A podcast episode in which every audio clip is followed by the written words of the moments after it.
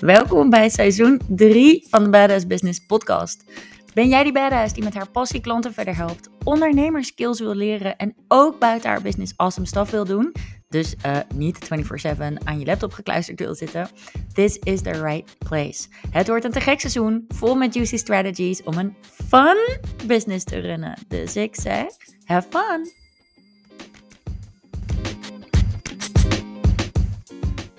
Hello, hello from New York.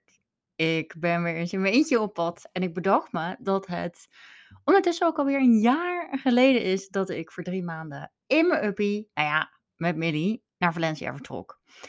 En um, waarom ben ik dan nu weer in New York? Ik denk dat een van de redenen, want, want ik wilde bijna niet gaan. Ik zat laatst op het vliegveld. Uh, mijn vriend ging een andere kant op. Die ging naar, uh, naar British Columbia in Canada en ik ging naar New York. En ik dacht echt, waarom ga ik dit doen? Maar mijn reden om te gaan was alsnog groot genoeg. En dat is omdat ik heel veel lessen heb geleerd uit de drie maanden die ik in Valencia was. En I want to share them with you. Omdat ik denk dat je er wat aan hebt het je misschien kan helpen om andere keuzes te maken, die lessen alvast kan leren zonder dat je drie maanden naar het buitenland moet gaan. Of het je juist motiveert om ook wat in je eentje te doen. Nou, anyways. First off een beetje context over waarom ik ging. Literally just because I can. Ik, weet je, ik heb hier niet echt een dieplerende reden voor, behalve dan dat ik altijd al de wereld wilde zien. Um, ik, ja, ik droomde van de wereld. En door mijn bedrijf kan ik dat nu ook. Dus iedere keer stapje bij stapje. Eerst was het uh, een weekje Portugal, toen was het twee weken Portugal, toen was het vier weken Mexico. Beetje bij beetje durf ik steeds meer mezelf te gunnen dat hier doe ik het voor. Dus, dus doe ik het ook. Um, en ik kies ervoor om langere tijd op één plek te zitten en het gewone leven daar eigenlijk te leven. Um, dat vind ik zelf heel, een hele prettige manier van ja, de wereld ontdekken eigenlijk. Dat je ook familiar faces begint tegen te komen. Um, dat vind ik zo'n amazing moment. Ik had dat dus daar straks. Dus ik ging vanmorgen naar een stretch lesson. Um, en ik hoor je denken, stretchen kun je toch ook thuis doen? Ja, behalve als je zo'n houten plank bent als ik, dan is dat heel ingewikkeld. Dan weet je niet wat je moet doen. Ik heb best wel een beetje last van mijn rug gehad de afgelopen tijd. Dus ik dacht, in plaats van dat ik weer zo lomp ga lopen boksen zes weken, ga ik nu eens een keertje stretchen en pilates doen. Anyways, ik was daar dus vanmorgen gezellig gekletst met een aantal vrouwen. En ik kwam er daarvan net eentje tegen in het koffietentje waar ik veel tijd besteed. En ik begin daar ook steeds familiar faces uh, te zien. Dus dat vind ik echt te gek. Um, ja, dat je gewoon heel even zo'n soort van mini temporary communitytje om je heen hebt. Dat vind ik echt amazing aan langere tijd op één plek zitten. Nou, um, dat had ik in Valencia ook heel erg. Daar had ik mijn community en daar ga ik je zo meteen meer over vertellen. De praktische details zijn, ik reed in twee dagen met Millie vanuit uh, Rotterdam naar Roussafa. Roussafa vond ik echt een te gekke plek, kom ik zo op terug. Ik sliep uh, midden in Frankrijk in een awesome hotel voor iets van 70 euro. En ik deed er eigenlijk een dag korter over om in Valencia te komen. Dus ik boekte last minute nog een hotel in Roussafa van 100 euro. Nou, ik zat dus in Roussafa. Dat schrijf je met R-U-S-S-A-F-A of met een Z in plaats van die twee S'en. Ligt aan welk accent je in het Spaans uh, gebruikt. Maar ik zou dat echt oprecht aan iedereen aanraden. Alles wat je nodig hebt, heb je op loopafstand. Het is heel kleurrijk. Er zijn veel plekjes om te werken, om te eten, om uh, een drankje te doen. Je bent zo eigenlijk in alle andere buurten van de stad. Je kan naar het strand lopen, is op zich al wat ver. Um, maar dat kan je daar vanaf daar heel makkelijk met de fiets of met het openbaar vervoer of met de auto doen. Ik betaalde iets van 250 euro huur per maand en 100 euro per maand voor een parkeerplaats. Uh, uit eten is daar een stuk goedkoper. Supermarkt is eigenlijk vergelijkbaar. En ik sportte drie keer per week bij Bataar. Dat raad ik je enorm aan. Ook al ben je er maar een week, dan zou ik er gewoon nog gaan sporten. Uh, it made my day. En ik kocht denk ik voor iets van 50 euro per maand aan boeken sowieso. En op dat sporten en op dat boeken lezen kom ik zo meteen nog terug. Daarom benoem ik het. Nou, mijn activiteiten in Valencia waren eigenlijk eindeloos door de verschillende wijken en parken slenteren met Millie. Dat was echt te gek daar. Uh, het was een soort van never ending summer, want ik kwam aan op 4 september en toen was het gewoon de hele tijd nog 30 graden. En um, ja, uiteindelijk ging ik weg begin december. Ik heb denk ik geen één keer een jas aangehad, of misschien één keer. Het was echt te gek. Uh, wat deed ik nog meer? Heel veel koffietjes drinken met mijn journal of een boek of met mijn laptop. Ehm, wijntje en tapas op het terras, dat deed ik daar vrij regelmatig. Ja, je bent in Spanje. Uh, Hanna kwam langs. Als je me volgt op Instagram, dan, dan weet je zo ongeveer wel wie dat is. Want dat is degene die ik altijd tag in mijn foto's als een fotograaf. Um, met Hanna reed ik door het binnenland naar een wijngaard en naar Oliva, allebei mega aanrader. En Joelle was er ook, je weet wel, die van de Female Freedompreneurs. En met haar ging ik bijvoorbeeld naar een festivalletje voor reden naar Montenegros voor een hike. Ook enorme aanraders. Nou, dat is heel even een beetje de context van Valencia. En mijn lessons learned, dat zijn er in ieder geval drie. Nee, het zijn er vier. Ik denk dat het er vier worden. En de eerste les die ik met je wil delen is de waarde van het alleen zijn. En de eerste keer dat ik dat doorhad was toen ik in Australië was. En ik ging er in mijn eentje op uit. Een vriendinnetje van me die deed daar een stage voor een half jaar. Ik uh, wist eigenlijk na een paar maanden al dat de corporate wereld niet helemaal mijn ding was. Dus ik wilde er graag een maand eens uit. En dat werd Australië. Nou, zij had daar gewoon haar ding te doen. Dus ik deed daar mijn eigen ding. En ik maakte ook wat tripjes zelf. En de eerste keer dat ik echt, ja, ik vergeet het nooit meer. Ik ging koffietje, een koffietje doen door de stad slenteren en s'avonds in mijn eentje uit eten. Het was Mexicaans. Ik vergeet echt nooit meer. Um, en daar realiseerde ik me, wow, dit is een ander gevoel dan wat ik tot op heden ken. Alleen zijn is nodig. Maar ook bijzonder oncomfortabel. Of het kan bijzonder oncomfortabel zijn dat is waarom eigenlijk ook de meeste mensen het uit de weg gaan. Ehm, maar door de afstand die je neemt en door het compleet alleen zijn, geen afleiding, geen getetter met andere mensen, ben je opeens helemaal met jezelf en dus met je gedachten. En dat is heel confronterend. Dit is bijvoorbeeld waarom ook een, eh, als je een blessure hebt en een tijdje alleen moet zijn. Ik heb ooit een keer mijn halve knie afgescheurd. En toen zat ik ook een paar, een, eh, paar weken in ieder geval in mijn eentje thuis. Je hebt gewoon minder contact. En dat is waarom dat soort periodes ook mentaal best wel belastend kunnen zijn. Want opeens komen er allemaal dingen op. Um, Zeker omdat je afstand neemt van de, van de situatie waar je bent. Dus opeens komen er allemaal dingen op. Kijk je terug op de afgelopen maanden, op je, je, hè, je automatische pilootleven. En dan komen er bijvoorbeeld ook dingen op van, die je niet zo leuk vindt aan jezelf. En dat gebeurt er als je, als je in je eentje gaat reizen. Dan, ik weet niet, er gaat een soort van doos open met gedachten en alles komt voorbij.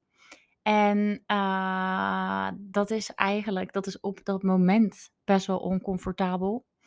Um, maar juist zo, zo, zo enorm waardevol om juist dichter bij jezelf te komen. Ik zie het altijd zo'n beetje voor me dat je door de waan van de dag af en toe net even een stapje van jezelf afzet. Misschien herken je dat wel. Dat je dan denkt, hé, waarom heb ik nou eigenlijk dit weekend dit gedaan? Terwijl ik word zelf eigenlijk veel blijer van vroeg naar bed, vroeg opstaan, iets sportiefs doen. Maar waarom heb ik nu weer, la la la, mijn weekend laten leiden door mijn agenda of zo? Weet je wel? En um, ik leerde door te journalen. Eerst dacht ik altijd, waarom journalt iedereen altijd de hele tijd? Wat heb je daar nou aan? Maar ik, heb, ik doe dit nu uh, heel regelmatig en ik zie echt de voordelen er zo van in. Door te journalen nam ik echt een heel specifiek moment in de dag om al mijn gedachten eruit te kwakken. en dan hoefde ik er de rest van de dag geen last van te hebben. Want toen ik net in Valencia was, zeker de eerste week, Oh, ik werd helemaal niet goed van mezelf, joh. Ik dacht overal over na. Ehm, en dat komt ook door het volgende, namelijk de tweede les. The overwhelm is real. Ehm, maar overwhelmed zijn betekent eigenlijk groeien. And you just gotta keep going. Ik was zo vaak overweldigd die eerste week in Valencia. Echt, echt, toen ik mijn auto ging parkeren op die parkeerplaats. Ik had er dan vlak bij mijn huis, iets van vijf minuten lopen of zo, kon ik, uh, want in mijn straat kon je amper parkeren. Gewoon zo'n ma een maandabonnement voor een parkeerplaats. En die vrouw was alleen maar in het Spaans aan het tetteren. En dan ook nog eens onverstaanbaar. En in de supermarkt werkte alles net anders. En voor honden waren er andere regels. En alles was anders en nieuw. En zelfs de salsa die ik daar leerde was net even een beetje anders dan wat ik in Nederland had geleerd. Dus de eerste week, weet je, ik zat de hele tijd in mijn hoofd met, oh, Rome, weet je wel, je kan ook niks. En waarom is het nou zo moeilijk om boodschappen voor je te doen? Weet je, dat kan toch iedereen? Nou, toen zat ik dus die eerste week, uh, dat vergeet ik denk ook nooit meer, op een van mijn lievelingsplekjes in Valencia. Dat is bij een kerkje, dat ik uh, denk ik net even een rood wijntje te veel gedronken. Zat ik te huilen aan de telefoon met thuis. Ik voelde me zo naïef en dom. En mijn Spaans was helemaal niet zo goed als dat ik dacht. En ja, wat ik al zei, weet je wel, hoe moeilijk is het nou om gewoon je boodschap in de supermarkt te doen, weet je wel? Waarom liep ik daar als een soort van chaotisch persoon rond? Nou, ik was totaal overweldigd. En that's normal. Want ik leer grote lessen uit mijn reizen. En een leerproces gaat eigenlijk altijd zo. Je begint eigenlijk altijd met een periode van excitement. Zo van, ah, dit is vet, let's go, let's do it. Um, maar vervolgens komt er een periode van, wat de fuck ben ik aan het doen? En ik kan niks. En dat is eigenlijk, dat is gewoon de learning curve. En dat is altijd waarvan je van onbewust onbekwaam, dus die excitement, ah, I don't know what I'm gonna do, but it's gonna be awesome. Die vibe, zeg maar. Naar bewust onbekwaam, nou, dan, uh, dat is echt letterlijk gewoon een periode van huilen. Um, wat ben ik aan het doen? Dit maken we in het ondernemerschap trouwens ook allemaal mee hoor. Weet je wel, periode van excitement. Ah ja, ik wil de wereld veranderen. Ik wil mensen helpen. Ik ga als een gek eh, achter mijn laptop zitten en allemaal dingen maken. En dan kom je opeens op een punt dat je denkt: oké, ik weet echt totaal niet hoe dit ondernemen werkt. Dan wordt het opeens heel zwaar en ingewikkeld en helemaal niet leuk. Nou, dan ga je naar bewust bekwaam. Hey, look at me go ik weet hoe dit werkt. En in Valencia begon ik dus mensen te leren kennen en de taal beter, iets beter te begrijpen. Um, ik begon gewoon een beetje door te krijgen. Oké, this is how we roll here. Dit zijn de tijden dat het park open is. Weet je wel, al dat soort dingen. Uh, en in het ondernemerschap is dat bijvoorbeeld: hey, look at me go. Ik weet hoe ik mijn eerste klant moet maken en hoe ik dat nog een keer moet doen en hoe ik dat nog een keer moet doen. Ik weet hoe ik een masterclass moet geven. Ik weet hoe ik dit beter moet doen. Nou, la, la, la. En dan kom je in de laatste fase en dat is bewust uh, onbewust bekwaam, sorry. Dus dan heb je eigenlijk al niet meer door wat je weet. Dat heb ik laatst heel confronterend met human design. Um, ik was even helemaal vergeten hoeveel ik daarvan weet. Ik heb daar de opleidingen van gedaan, maar natuurlijk ook superveel readings gedaan. En iemand vroeg mij wat en toen dacht ik echt, oh nee, maar dit is het totaal anders. En toen kwam er een soort van stortvloed en informatie uit. En toen dacht ik, oh wow, ik was even helemaal vergeten dat ik um, dit allemaal wist. En dan kom je altijd, en dit is niet om op te scheppen hoor, dit is gewoon om uh, te laten zien dat die learning curve gewoon zo werkt. En eigenlijk ben je dan heel comfortabel met je kennis en, en ben je eigenlijk, zo werkt dat voor mij eigenlijk altijd, uh, ready to learn the next thing. Nou, die overwhelm betekent groei. Dat is, dat is dat dipje in die learning curve. En the only thing you gotta do is keep going. Dat is het allerbelangrijkste. Dat is wat ik daar heb geleerd. En dat heeft dus zozeer met ervaringen te maken. Dus ik haal heel veel van mijn ervaringswijsheid uit reizen. Maar dat heeft ook met het ondernemen te maken. Uh, iedere keer bij een nieuw, wat je zeggen, nieuw level, nieuw devil. Ja, dat is eigenlijk nieuw level, nieuw learning curve. En dan kom je altijd een keer in die dip uit. Uh, maar het heeft bijvoorbeeld ook te maken met uh, echt iets heel specifieks leren. Dus een taal of whatever. Dus ik was opeens heel bewust onbekwaam van de Spaanse taal toen ik in Valencia was. Dus dat is die tweede les. Dus die eerste les is alleen zijn is zo nodig. En de tweede les was voor mij overweldigd zijn. Betekent eigenlijk gewoon dat je groeit. You just gotta keep going. De derde les die ik in Valencia uh, leerde, af en toe een beetje om mijn oren geflapperd kreeg, maar dat is helemaal oké, is dat afstand, echt, echt even ergens afstand van nemen, heel bewust, leert je te identificeren en focussen op wat je anders zou willen. Toen ik in Colombia was, ontmoette ik daar een kerel en die zei iets waar ik helemaal aan van ging. Die gozer die werkte negen maanden per jaar en ging dan drie maanden per jaar naar het buitenland. Altijd ergens anders, om altijd een hele specifieke skill te leren. Heel gefocust. En hij deed dat vooral met vechtsporten. Dus hij ging dan drie maanden naar Colombia voor jiu-jitsu. En dan drie maanden naar Thailand voor Muay Thai. Nou, la la et cetera. En dat deed hij echt al een paar jaar. En van dat, I don't know, ritme werd ik zo enthousiast. Weet je, ze zeggen everything is in the daily habits. En daar ben ik het helemaal mee eens. Consistency, als je echt wat wil veranderen.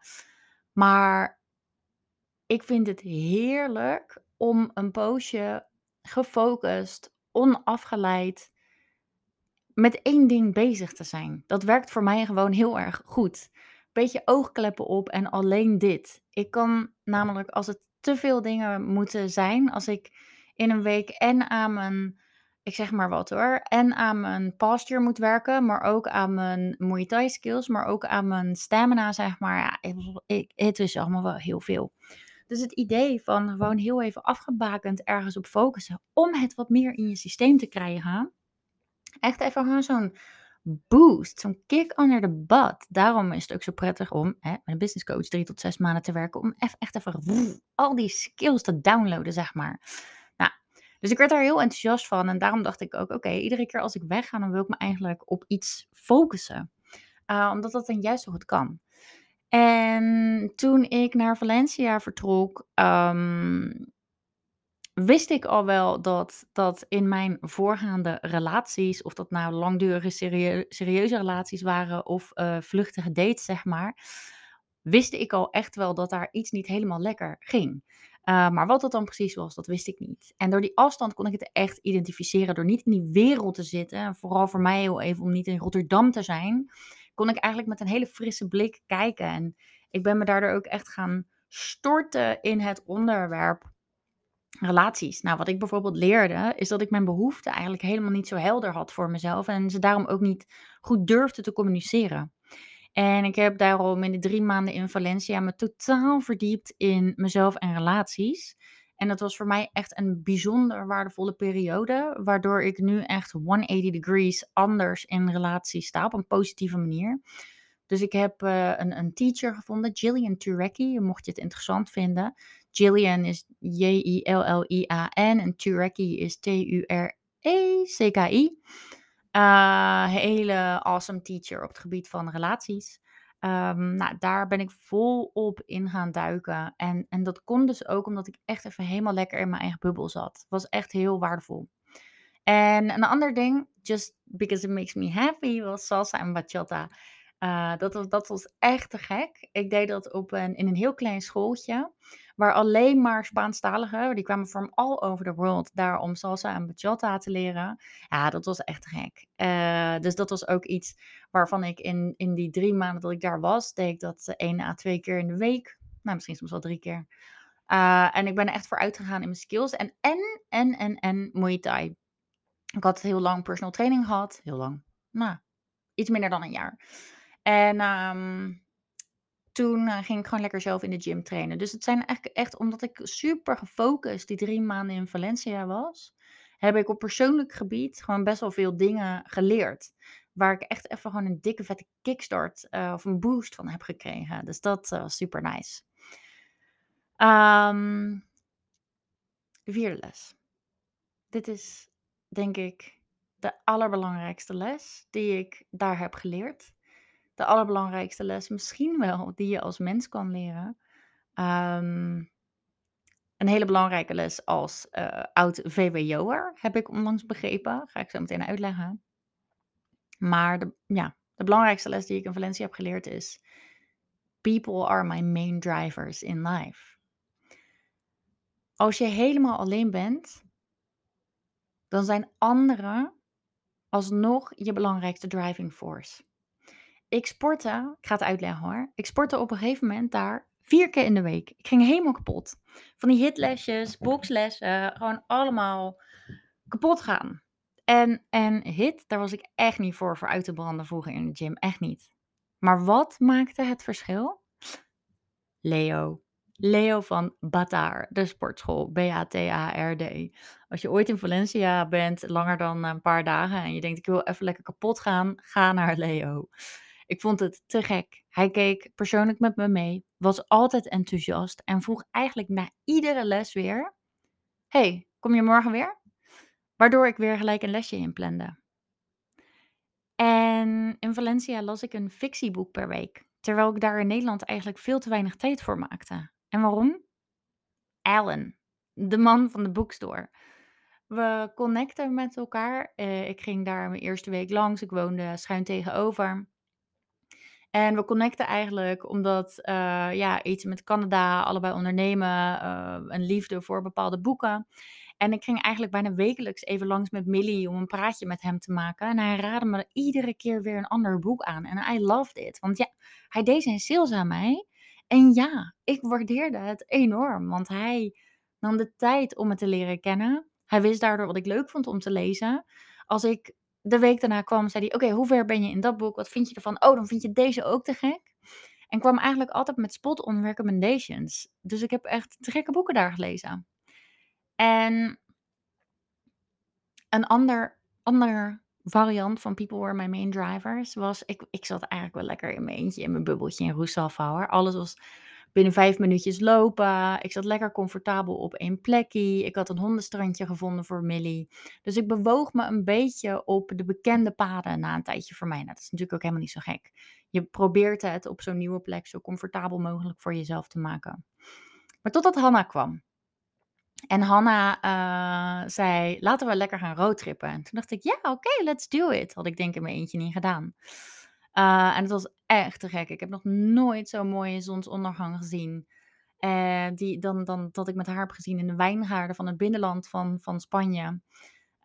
het was echt te gek. En ik ben, heb ook een hike gemaakt met Joelle en haar vriend Jeroen. Had ik in mijn eentje niet gedaan, want ik heb best wat hoogtevrees. Dus dan had ik gedacht, ja, oké, ehm, beter maar van niet. Want dadelijk dan zit ik daar op zo'n berg vast met Millie, durf ik niet naar beneden, whatever. Um, people are my main drivers. Ik denk dat ik zo nog 36 voorbeelden kan geven. Mijn, mijn klanten zijn mijn main drivers voor mijn business. Um, de support, de mensen om me heen, mensen met ideeën. Uh, it all drives me towards better things. Dat vond ik oprecht een van de beste lessen die ik misschien wel ooit heb geleerd. Ik moet ook zeggen dat ik dat, um, doordat ik die les had geleerd, het een beetje ingewikkeld vond om naar New York te gaan. Want toen dacht ik, oh, ik heb nu lekker van die driving people om me heen, kantoor, weet je wel, met allemaal ondernemers had ik in Amsterdam. Uh, thuis, relatie, super motiverend. Uh, mensen om me heen, weet je wel, mijn community, helemaal happy. En dan denk ik, ja, laat ik ze weer achter, weet je wel. Maar dat is ook de reden waarom ik naar New York ben gegaan. En zo laten we wel wezen, zo lang ben ik nou ook weer niet weg, hè? Dat snap ik ook wel. Uh, zes weken in totaal. Maar people will also be my main drivers here. Want mensen hebben hier super grote doelen. Zijn ballsy, zijn super encouraging, very talkative. Mm, dus people will be my main drivers here as well. Oké, uh, dikke tips nog heel even snel voor, voor Valencia. Sporten dus bij Bataar. Booklovers Valencia, beste bookshop ever met Engelse boeken. En Fran Café. Dat was, dat, dat was ook zo'n community momentje. Dat was de tweede keer dat ik, de derde keer dat ik bij haar een koffietje ging halen. En ze zei gelijk al, uh, hey, je wil cappuccino met, uh, met oatmilk, toch? Nou, dat is echt, echt te gek, echt te gek. Moet je even, moet je, ik vond het zo te gek, moet je even nagaan wat het met een ander doet als je hem of haar daadwerkelijk ziet. Ik voelde mij zo gezien door Leo, die, ik heb altijd een beetje last van mijn schouders en mijn rug, dus die keek heel erg mee naar, met me naar de, naar de oefeningen die ik deed. Ik voelde me heel erg gezien door Ellen, de bookstore guy. Ik voelde me heel erg gezien door die meid bij Café. Ik voelde me heel erg gezien door de mensen bij Madrigal, want die kwamen altijd gelijk een cookie brengen naar Millie. En dat is misschien, oké, dat is dan wel les 5. Make sure you see people. Make sure you see your clients. Want het gevoel wat je ze daarmee geeft is onbetaalbaar. En you can't make people do things, but you can make them feel things. And when they feel things, they do things. Oké, mooie afsluiter denk ik. Thanks voor het luisteren. En ik ga binnenkort um, je meenemen in het New York avontuur hier op dit kanaal. Dus hou het in de gaten als je het interessant vindt. Thanks voor het luisteren.